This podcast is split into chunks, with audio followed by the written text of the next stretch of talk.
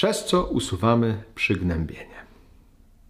Ewagrysz tutaj odwołuje się do listów, które dostaje od Rufina, który jest bardzo bliski jego sercu. Mówi: Radość przyjmowania listów i powrót do portu ocalenia, do którego wprowadzam mój umysł z zamętu.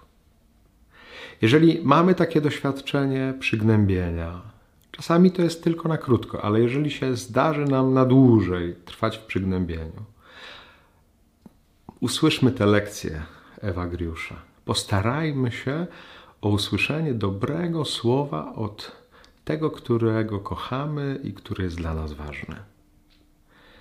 Przyjmowanie dobrego słowa, słowa radości od kogoś bliskiego ma moc usunąć przygnębienie.